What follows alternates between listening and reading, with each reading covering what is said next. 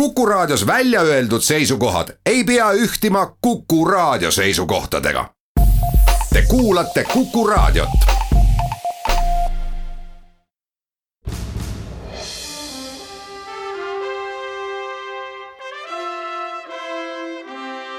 vahetund Postimehega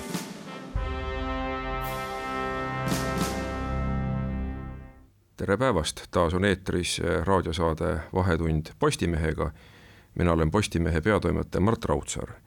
ja täna räägime nii tõsisematel teemadel kui natukene kergematel teemadel, aga alustame tõsisematest teemadest. ja mul on hea meel, et nagu tõepoolest tänapäevasel ajal kombeks telefoni teel on meiega liitunud Tartu Ülikooli eetikakeskuse juhataja Margit Sutrop, tere! tere päevast! mul on hea meel selle üle, et et äh, Margit Sutrop kirjutas äh, Postimehes artikli, mis on nüüd ka tänases paberis ilmunud pealkirjaga soovitused rasketeks valikuteks, mis on teema, mis äh,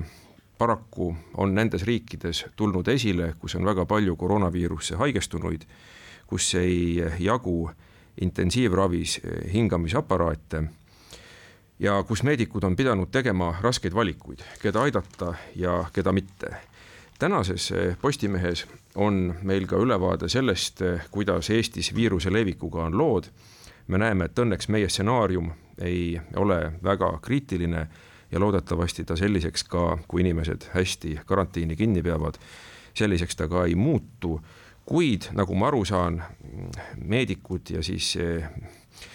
meditsiinieetika eksperdid koostöös Tartu Ülikooli Eetikakeskuse juhataja Margit Sutropiga otsustasid luua sellise manuaali raskeks olukorraks, kui tuleb teha niisuguseid valikuid, saan ma õigesti aru? jaa, niisugune, niisugused soovitused on tõesti koostatud ja initsiatiiv sellest tuli kõigepealt siis Põhja-Eesti Regionaalhaigla eh, staabi käest, kriisistaabi käest, kes arvas, et eh, igaks juhuks on vaja need juhised teha, sellepärast et tõepoolest erinevate maade praktika näitab, et äh, olukord võib muutuda. ma arvan, et äh, arstide hinnangul ja haiglate hinnangul äh, on ütleme, raske ennustada, kui hulluks olukord võib kujuneda või võis kujuneda lähiajal ja seetõttu paluti siis Põhja-Eesti Regionaalhaigla eetikanõukogul kõigepealt nende juhiste üle mõelda, mina olen selle nõukogu liige ja kutsusin siis üles ka meie Tartu Ülikooli Kliinikumi eetikakomiteed kaasa lööma ja tõepoolest see algatus siis kaks haiglate erinevat eetikakomiteed ja lisaks siis meie eetikakeskus Tartu Ülikoolist. Panime siis pead kokku, kaasasime veel mitmeid teisi eetikaeksperte ja ka õiguseksperte, õigusliku osa eest vastutas karistusõiguse professor Jaan Kinter Tartu Ülikoolist ja nõu andis ka Ants Nõmper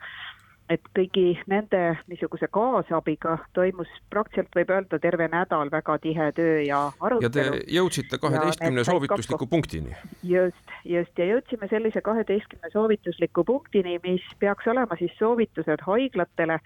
sest Põhja-Eesti Regionaalhaigla ja Tartu Ülikooli Kliinikum on siis, kannavad siis seda põhivastutust nii põhja kui lõuna suunal ja ka siis saarte suunal selle kriisiolukorra lahendamiseks, aga seal on siis proovitud nendes soovitustes mõelda siis kõige niisuguse teravamalt just intensiivravi peale, sest see on see pudelikael. aga samas on seal ka üleüldse haiglaravi kohta mitmed sellised punktid, mis äh, vajavad arvestamist kindlasti ka siis, kui olukord ei lähe väga hulluks, näiteks suhtlemine lähedastega või mõelduna selle peale, kuidas patsientide üksildustunnet ja niisugust eraldatust äh, psühholoogilises mõttes nende vaimse tervise eest ja ka lähedaste eest hoolitseda, sest äh, karantiiniaeg, kus külastused on keelatud, on ju teistsugune olukord täiesti ka haiglates nende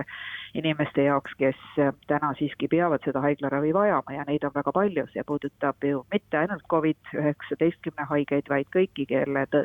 kellel täna on äh, mure siis äh, haiglaraviga ja nende lähedastega, neil tegelikult ju külastuskeeld kehtib kõigile ja selle olukorra peale võiksid haiglad mõelda. ma arvan, et siin võiks ka uuesti tegelikult valitsus appi tulla, eraldada lisaressursse näiteks psühholoogilise abi jaoks, vaimulike kaasamiseks, äh, erinevate IKT lahenduste jaoks olgu siis laptop'id või, või mingisugused äh, erinevad äh,, erinevad iPadid, mis võib-olla võiksid sellist ka suhtlust äh, arendada, sest inimene haiglas ja tema lähedased kuskil kaugel muretsemas nende pärast kindlasti on vaja neid toetada, et see võiks ka olla üks selliseid teravikke, millega tegeleda. usun, et meie kuulajate üks põhiküsimus võib olla siis see, et mille alusel peaksid tegema arstid neid raskeid valikuid ja ma lugesin, et punktid, kaksteist punkti läbi ja ma tsiteeriksin ehk punkti number neli.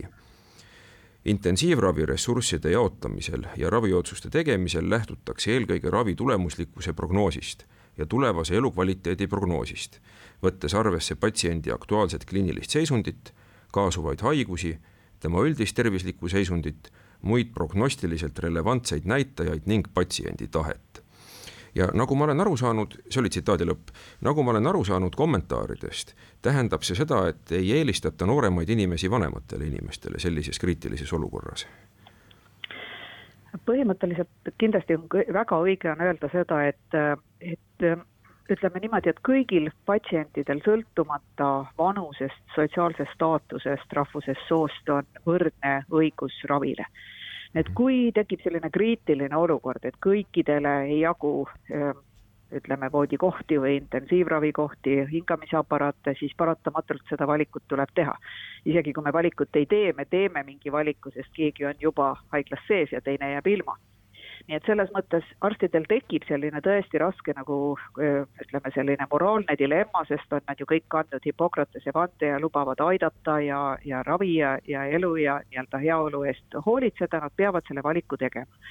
et kui kõiki võrdselt kaaluda, siis tõepoolest on õige see, et kedagi ei peaks jäetama kõigepealt kõrvale lihtsalt sellepärast, et tema vanus, tema vanus passis on selline ja seda tähendabki see, et lähtutakse eelkõige siis meditsiinilistest kriteeriumidest, seda, mida te just tsiteerisite, ravi tulemuslikkuse prognoosist ja sellisest ennustatavast elukvaliteedist pärast seda ravi. teatavasti intensiivravi on väga ränk ravi ja mõjub ka võib öelda niimoodi, et muidu hea tervisega inimesele väga raskesti, aga kui inimesel on kaasuvad haigused, kroonilised haigused, siis selle nii-öelda üleelamine ja pärast taastumine on väga raske. see tähendab, et kuna statistiliselt on tegelikult muidugi ka teada, et kaasuvaid haigusi, kroonilisi haigusi on rohkem vanemas eas inimestel, siis võib juhtuda, et sedasama kriteeriumi rakendades siiski enamasti tegelikult võib olla šansid suuremad noorematel inimestel. seetõttu tõepoolest see niisugune ütleme, üldine järeldus tuleb, aga samas võib olla seitsmekümneaastane väga kõbus vanainimene, kes tegelikult on tervem kui keegi väga raskeid haigusi põdev noor inimene. Ja sellisel juhul tegelikult võib seesama nii-öelda vanus mitte olla see põhjus, mille pärast teda siis nii-öelda kõrvale lükatakse nii et selles mõttes see puhtmeditsiiniline selline nagu, nagu lähenemine peaks olema see, mis tagab selle, et ka ühishüve üldiselt rohkem kasutatakse, see tähendab, me päästame rohkem elusid mm -hmm. ja me suudame suuremat kahju ära hoida. nii, sel teema on väga oluline teema, me tuleme selle juurde tagasi peale pausi, stuudios oli Tartu Ülikooli eetikakeskuse juhataja Margit Sutrop ja Postimehe peatoimetaja Mart Raudsaar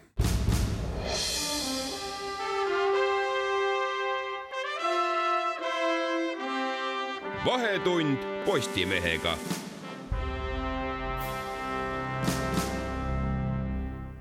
jätkame jutuajamist eh, Tartu Ülikooli eetikakeskuse juhataja Margit Sutropiga, mina olen Postimehe peatoimetaja Mart Raudsaar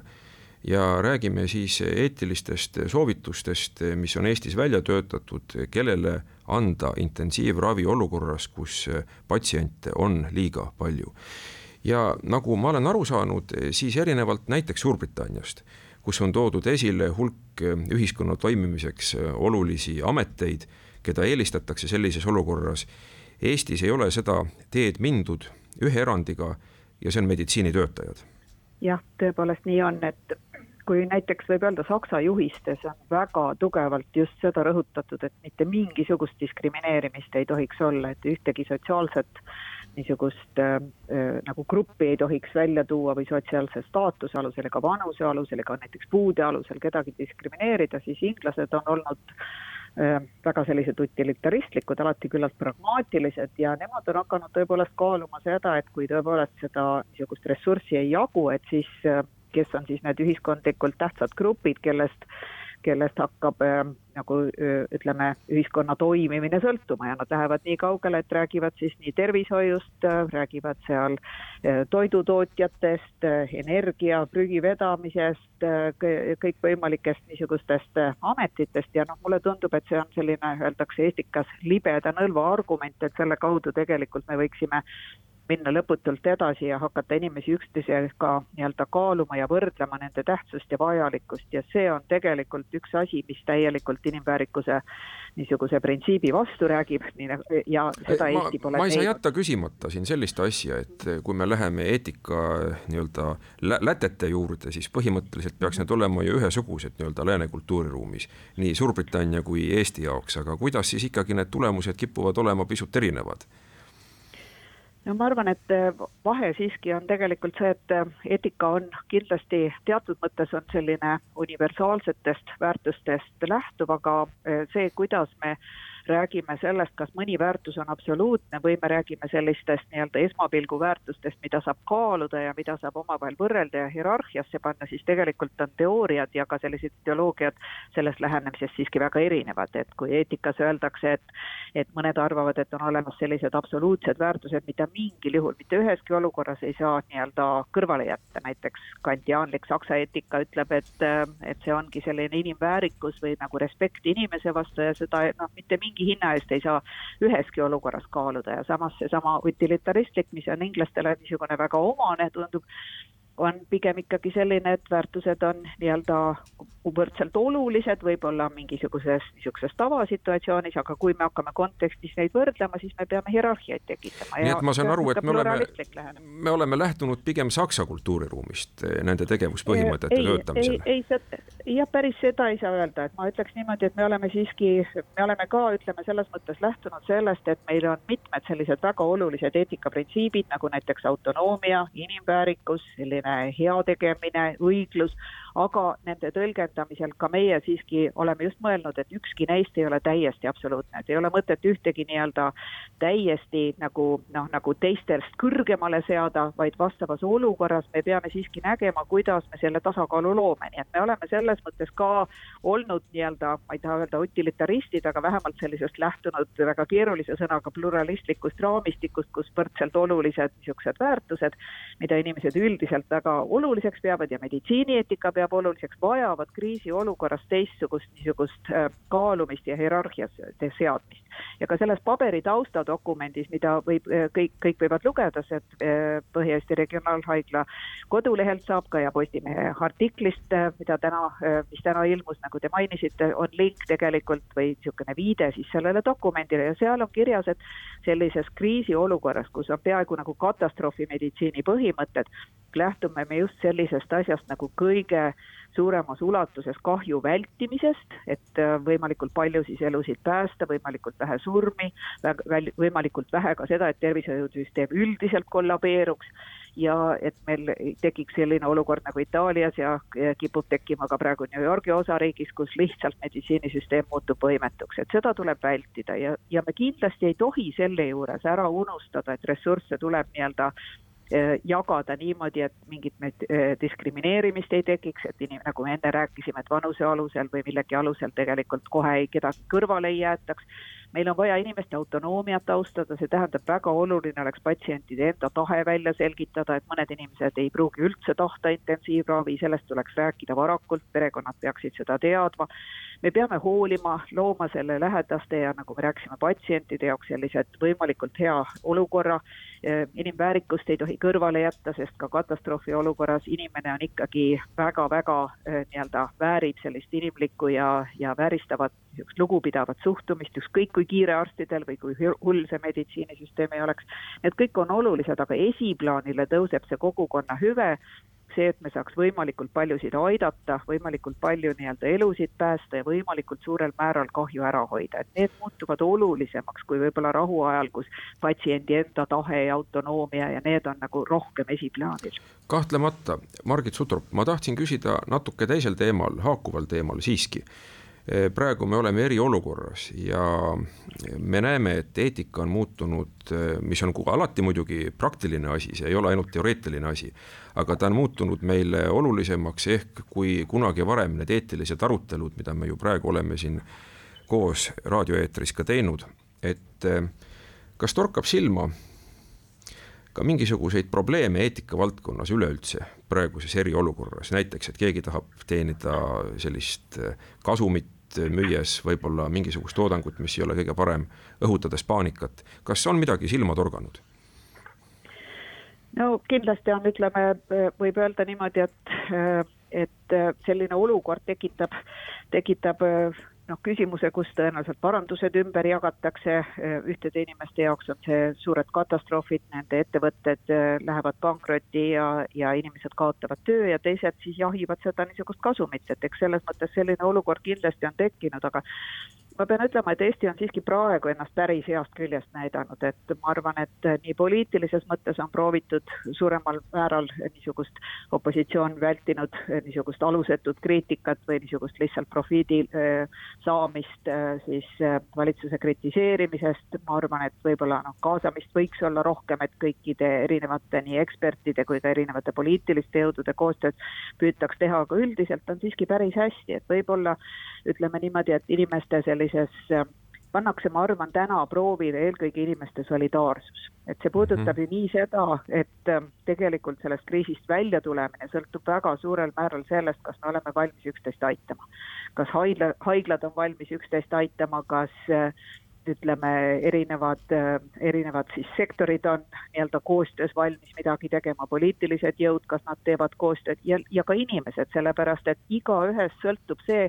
kas meil tegelikult tekib see kriis nende intensiivravi kohtadega või mitte, et kui me teame, et meil on üldse sada viiskümmend seitse kohta, kus selline ventileeriv hingamine on, on abistamiseks võimalik, seitsekümmend juba on intensiivravis, see on ju koos teiste patsientidega ka, kes muidu seda vajavad, et nende hulgas on küll ainult kaksteist Covidi üheksateistkümne patsienti, aga siiski, et see tegelikult ei ole nii noh, ütleme kindel, et meil tegelikult sellist ressursside puudust ei tule. Ja siin sõltub tõepoolest igaühe käitumisest, kui et kui inimesed tegelikult eiravad, arvavad, et see on soe ilus ilm ja ja tulevad pühad ja on vaja ikkagi suuremaid äh, nii-öelda kogunemisi teha, siis tegelikult lõpuks võivad kannatada nad ise, aga eelkõige kannatavad need riskirühmad, see tähendab, see paneb ühiskonna solidaarsuse väga nagu nagu proovile ja võib-olla, mis minu jaoks kõige masendavam siiski on olnud, on pigem see erinevate maade vähene solidaarsus. et see, kuidas piire sulgetakse, kuidas Poola ei lasknud Eesti autosid läbi või Balti riikide autosid läbi, kuidas erinevad nii-öelda riigid panevad äh, ennast lukku ega proovi tegelikult ressursse jagada, teevad isegi kokkuleppeid, et nad üksteisele oma ravimeid äh, edasi ei anna, et see on olnud pigem selline suurem solidaarsuse puudumine Euroopas. me peame nüüd minema, me peame nüüd minema pooltunni uudistele, aga ma tänan väga Tartu Ülikooli eetikakeskuse juhataja Margit Sutrop eh, nende kommentaaride eest. Eh, mina olin Postimehe peatoimetaja Mart Raudsaar, jätkame peale pooltunni uudiseid.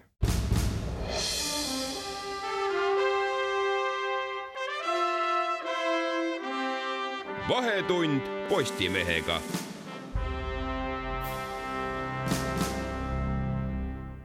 jätkame saadet mina olen Postimehe peatoimetaja Mart Raudsaar ja nüüd peaks olema telefoni teel meiega ühenduses Postimehe ajakirjanik Ülle Harju. tere, Ülle, kas sa kuuled meid? ja ma kuulen, tervist. Eh, rõõm kuulda ja mis siin salata, rõõm on ka lugeda sind, kes sa kirjutad meile lugusid eh, mitte ainult nendel teemadel, aga ka teemadel, mis puutub loodust, aiandust mõnikord, me lugesime suure huviga mõni päev tagasi lugu rästikust aga ma tahtsin just tänasel niisugusel päeval, kui me pidime rääkima nendest koroonasurmadest ja kõigest muust jubedast, rääkida ka natukene tervendavatel teemadel, kuna väga oluline on, et meie vaim oleks terve ja ma arvan, et mitte miski ei anna paremat toonust kui aiatöö, mida me saame ju teha ka, nagu öeldakse, sotsiaalselt distantseerununa. Ja ise veetsin ma lõppenud nädalavahetuse õunapuude otsas õunapuid lõigates ja tänases Postimehes on sinult, Ülle, väga huvitav kirjatükk Põlised sordid saavad elujõudu, kus sa oled teinud siis ühe proua Tiia Morfiniga eh, loo, kes räägib, ma, nagu ma aru saan, ka pärandkultuuridest. et need on siis niisugused eh, ammust aega Eestis kasvatatud sordid ja Tiia Morfin on siis vanaema aia perenaine ja tegutseb Karulas ja tema on tuntud selle poolest, et ta erilise huviga kogub neid põliseid sorte, mida meil siin Eestimaal on kasvatatud, aga mis on hakanud ära hävima ja siis ta üle Eesti otsib neid, toob siis inimeste aedadest, ta siin seletas, et kartulisorte paneb ta tänavu maha kuskil kolmekümne ringis. tal on ka omad lemmikud ja, ja ka Postimehe lugejad ta kutsus üles, et kellel on veel kuskil vanaemast jäänud selline noh, seeme, mida iga aasta mulda pannakse, siis andke talle teada. et tema neid korjab, paljundab ja tal ongi nüüd ka siis äh, vanaema hernes, mis on tema eriline lemmik oma vanaema käest saadud, on siis jõudnud Põllumajandusameti sordilisti ja see tähendab, et seda võib ka nüüd ametlikult müüa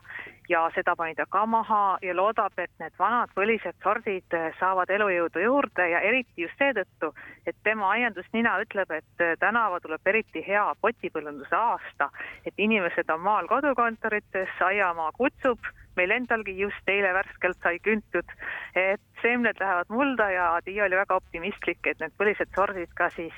tänavu uue hoo sisse saavad ma tean, et eh, sina ja sinu pere, te elate Võrumaal Kärgulas, eh, sisuliselt seal, kus oli Kärgula mõis, et kunagi, mitte küll otse mõisas, aga, aga seal kohe naabruses.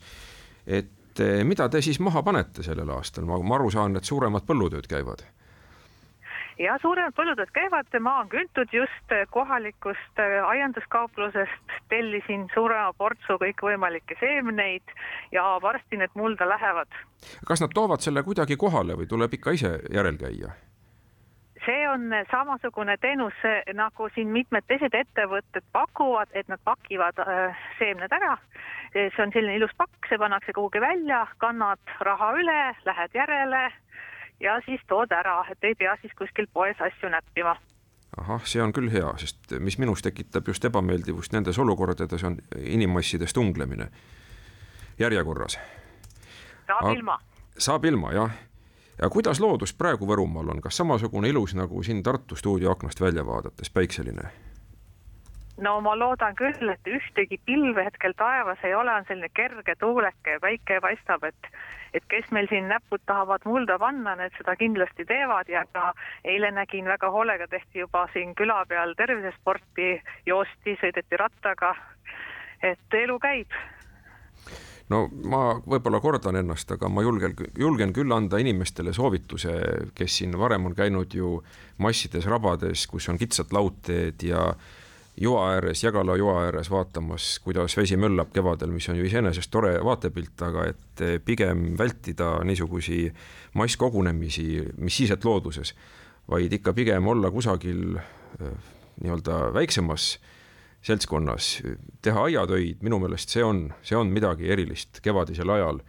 olla õues ja vaadata noh, ma ise ei jõua küll niisugust potipõllundust teha, mina olen rohkem spetsialiseerunud õunapuudele ja sellisele värgile.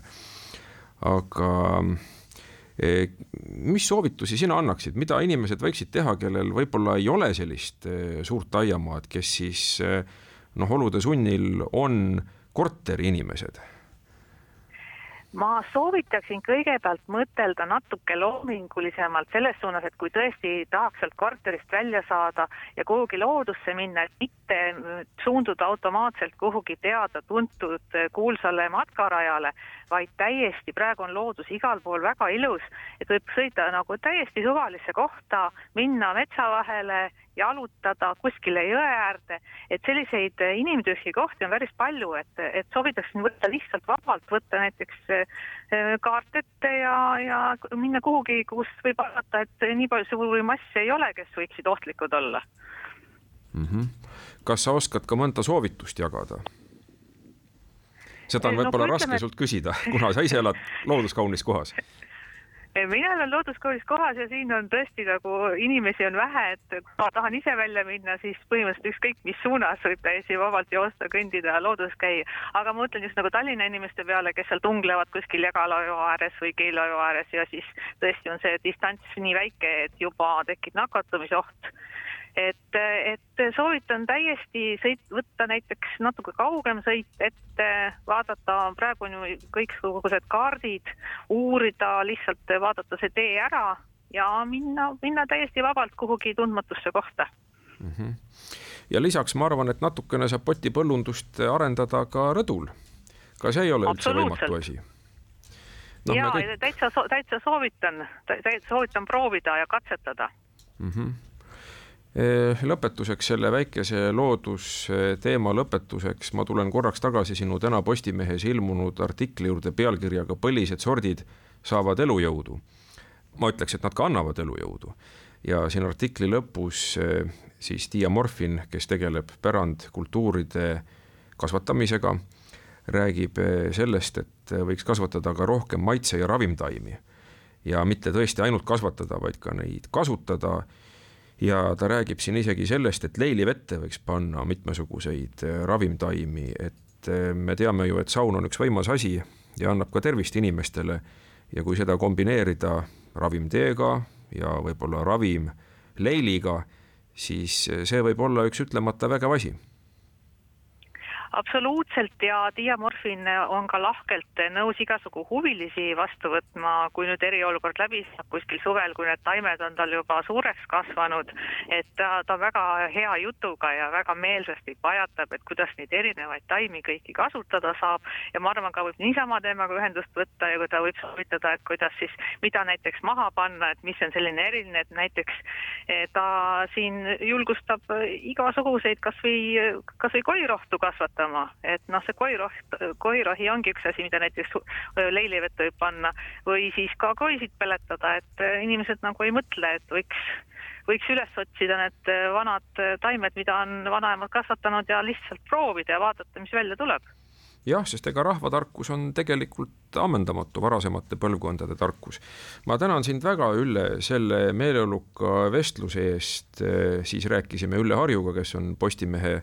ajakirjanik mina Postimehe peatoimetaja Mart Raudsaar läheme väikesele reklaamipausile, kuid saade veel ei lõppe.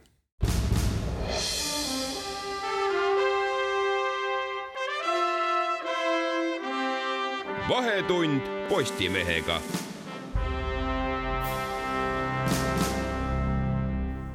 tere taas kuulama Vahetundi Postimehega. mina olen Postimehe peatoimetaja Mart Raudsaar ja nüüd on meiega liitunud telefoni teel Tartu Ülikooli politoloog Martin Mölder. Martin, kas sa kuuled meid? kuulen, tervist. tere ja ma tänan sind eh, selle eest, et sa oled meile ikka kirjutanud ja kirjutad, eh, nagu ma aru saan, ka tulevikus eh, kommentaare erakondade populaarsusreitingute kohta ja nüüd on ju äsja tulnud uued andmed ja ütleme siis kuulajatele, kes pole neid näinud, mida need andmed meile räägivad et tõepoolest, et siis täna hommikul tulid välja uued äh, Norstati ja Ühiskonnauuringute Instituudi reitingud, mis siis näitavad meile seda, et äh, ütleme, et niimoodi viimase paari kuu jooksul ütleme, et Keskerakond on, on jõudsalt oma toetust kogunud äh, ja ütleme, et see vahe nii-öelda Reformierakonnaga, mida me praktiliselt alates valimistest alates oleme näinud, on, on, on väga väikeseks juba kahanenud, et siin siin on märke juba sellest, et need äh, kaks suurt erakonda varsti võivad olla üpriski sama toetusega mm. -hmm see on iseenesest väga huvitav. ma pean küsima sellise küsimuse, minu käest on mõned inimesed äh, pärinud, et äh, kas on ikkagi õige eriolukorras ja kriisi ajal mõõta erakondade toetust, kuna ilmselgelt valitsus peab tegema valitsuse tööd ja noh, mis siin salata, opositsiooni võimalused on ahtamad kui tavaliselt ma ei näe siin erilist suurt probleemi, et miks, miks praegu ei võiks, võiks sellist informatsiooni koguda või, või seda, ütleme nii-öelda sellest rääkida, et, et inimeste hoiakud valitsustele, valitsusele ja selle tegevusele või erakondadele ja nende tegevusele ei, ei peatu kriisi kontekstis ja ma arvan, et see on, ütleme, et ütleme, et väga hea märk ka erakondadele endile, et kuidas nagu üldsus suhtub nendesse sammudesse, mis on astutud praegu nendest tulemustest me selgelt näeme, et, et et rahvas on, on toetanud äh, Keskerakonna juhitud valitsuse ütleme, et tegevust äh, selle kriisi kontekstis, äh, seda näitab Keskerakonna toetuse tõus, äh, ütleme, et suur osa sellest ilmselt tuleb, tuleb sellest ähm, toetusest valitsuse tegevusele ja ma, ja ma ei näe, miks, miks see oleks siis nagu informatsioon, mida peaks kuidagi nagu varjama. jah, ma olen sellega nõus. valitsuse tegevust ma olen sellega nõus, et eh, pigem on kasulik ka eriolukorras ja võib-olla isegi eriolukorras informatsiooni koguda selle kohta, saada tagasisidet mida siis ühiskond arvab nendest sammudest, mida, mida tehakse. aga kui sa nüüd et vaatad no muidugi teine asi, vabandust, ma sõidan, et muidugi teine asi on, on see, et ütleme, et kui hakata küsima, ütleme, mingite konkreetsete äh, meetmete kohta, äh, näiteks, et, et kas, kas inimesed toetavad selle või teise piirangu äh, kehtestamist, et see on juba natuke selline kaheldav informatsioon, et, et mida nüüd sellega peale hakata, et, et noh, tihtipeale näiteks eriolukorras on vaja rakendada piiranguid, millele võib-olla alguses inimeste nagu suuremat toetust ei ole, aga mis on nagu hädavajalikud selle, ütleme, et kriisi või selle viiruse leviku tõkestamiseks, et, et kui minna, ütleme, et seda teed ja hakata selliseid asju küsima, et siis noh, selle koha pealt ma võib-olla oleks, oleksin natuke skeptiline, ehk siis küsimused, mis puudutavad hoiakuid konkreetsete sammude suhtes, aga mis puudutab nagu erakondade toetust üldiselt, siis siin ma tõesti ei näe mitte mingit probleemi nüüd me rääkisime Reformierakonnast ja Keskerakonnast, aga ilmselt me peame eraldi vaatlema eh, natuke pisemaid erakondi, sotsiaaldemokraate ja Isamaad, nagu ma aru sain seda lugu lugedes veebist, siis nende reitinguga ei ole asi just kõige parem praegu. et jah, et praegu me näeme seda, et praktiliselt noh, viimase kuu-kahe jooksul kõikide teiste erakondade nagu toetus on üpriski noh, kuidas öelda, stagneerunud või, või absoluutselt mitte mingeid tõusumärke seal ei ole ja pigem need on läinud samm-sammult alla. et ainus, kelle toetus on põhimõtteliselt järjepanu kasvanud, on, on, on Keskerakonna toetus ja kui me vaatame, et ütleme, et mis, mis üldiselt on, on maastikul, erakondade maastikul toimunud, et, suured erakonnad nii-öelda ja versus väiksed erakonnad, siis mingil määral võib-olla on, on nagu märgata seda, et et need kaks suurt erakonda, Keskerakond ja, ja Reformierakond on oma nagu positsioone jõuliselt äh, tugevdanud ja selle kontekstis siis kõik teised on, on natuke kaotanud, on natuke pildist välja jäänud, et kui me vaatame näiteks, et kus, kus Keskerakond enda positsiooni on tugevdanud, siis ta on teinud seda praktiliselt kõikides nendes valijagruppides, mis, mis ei ole nii-öelda Reformierakonna baasvalijad ja vastupidi, et selles mõttes me näeme ilmselt olukorda, kus need äh, kaks suuremat erakonda on, on toetajaid omavahel nagu ühte või teise äh, nii-öelda suunda ära jaganud ja teistele on jäänud natuke nagu vähem järgi.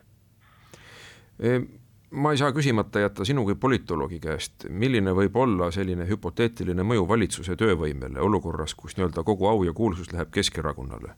või noh, peaaegu kogu au ja kuulsus? no ma arvan, et ma arvan, et hetkel nii-öelda, mis puudutab valitsuse sisemist tööd, et nende reitingute pärast äh, nagu nii palju ei, ei muretseta, et ma arvan, et nagu erakonnad ise sisemiselt hakkavad väga tõsiselt neid reitinguid võtma alles siis, kui noh, ütleme, et valimised on palju-palju lähemal ukse ees, et noh, praegu on see, ütleme, selline väga niisugune noh, ta on, ta on nagu number, mis näitab nagu mingit toetuse hetkeseisu, aga see moment, kus see toetus peaks realiseeruma mm, -hmm.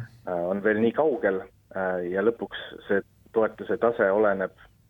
noh, see, milline ta on, oleneb siis, mitte praegu, et ma arvan, et niisugust sisemist tööd see praegu nii väga veel ei mõjuta, sest erakonnad sellepärast nii väga ei muretse, nad teavad, et väga palju maad on veel valimisteni minna. nojah, ma olen taas sinuga nõus, eks ole, nagu olümpiamängude teema, et sportlane võib olla väga kõva olümpiamängude vahepealsel ajal, aga tulemust mõõdetakse ikkagi areenil. ehk siis poliitika kontekstis valimistel. aga mis toimub nüüd ülejäänud erakondadega, mis toimub pisierakondadega, seal Eesti kakssada on olnud selline, kellel on olnud vahepeal ikka üle künnise toetus. ja ma saan aru, et on jätkuvalt. jah, on jätkuvalt, et Eesti kahesaja toetus praegu jääb sinna kaheksa protsendi kanti ähm, Nende toetus tegi väga suure tõusu läbi eelmise, just eelmise aasta lõpus, detsembris ja selle aasta alguses, aga nüüd kuskil ütleme alates veebruarist see tõus on, on nagu peatunud ja me näeme, me näeme jälle võib-olla ütleme, et sellist väikest langust, Eesti kakssada, noh, ütleme, et nende toetus äh, väga suuresti kasvas pärast valimisi, nagu ka Reformierakonna toetus just ütleme, et nende valijate arvelt, kes võib-olla valimas ei käinud, kes pärast valimisi nüüd otsustasid, et oh, et ma oleks pidanud ikka seda või teist erakonda toetama. et selles mõttes on väga raske anda nagu hinnangut ütleme, et kui palju sellest toetusest võib püsida või kui palju sellest ütleme, et kaheksast protsendist, mida me praegu näeme, võib valimistel realiseeruda, sest noh, me näeme, et, et selliste valimiste vahelisel ajal nagu inimeste niisugused poliitilised hoiakud ja eelistused muutuvad natuke nagu noh, vähem kindlaks ja vähem selgeks, me näeme, et järgmise paari aasta jooksul et selline nagu kindlate valimiseelistustega valijate osakaal valijaskonnas üha suureneb, mis tähendab seda, et, et tõenäoliselt nende arvelt siis Eesti kakssada, aga ka Reformierakond, kes väga palju neid tõmbas enda taha pärast valimisi, et nad kaotavad oma toetuses mõnevõrra, et selles mõttes noh, numbriliselt nagu Eesti kahesaja olukord praegu oleks, oleks nagu hea, aga, aga ma oleks veel praegu väga skeptiline selles osas, et kui palju sellest kaheksast protsendist on nagu need inimesed, kes raudkindlalt äh, neid erakond või seda erakonda ka valimistel valivad, et noh, teistel vanematel erakondadel me teame, et selline väga tugev toetajate baas on, on, on, on nagu olemas, et selles mõttes see Isamaa viis protsenti, mis neil praegu on, võib-olla tundub nagu, nagu palju-palju vähem kui see Eesti kahesaja kaheksa koma üks protsenti. Mhm, aga elu on näidanud, et see ei kao jah, ja selles viies protsendis võib nagu palju rohkem kindel olla ja noh, ja näiteks ka Keskerakonnal on väga-väga tugev ja selline stabiilne valijate baas, mis, mis sealt nagu nii palju ei ole valmis liikuma, kui, kui võib-olla näiteks nüüd Eesti kahesaja poolt. aitäh, Martin Mölder, Tartu Ülikooli politoloog ja loodame ka tulevikus kuulda ja lugeda huvitavaid analüüse. mina olin Mart Raudsaar, Postimehe peatoimetaja ja selline oli Vahetund Postimehega. soovime kõigile kuulajatele, et te jääksite terveks. kena kevadet.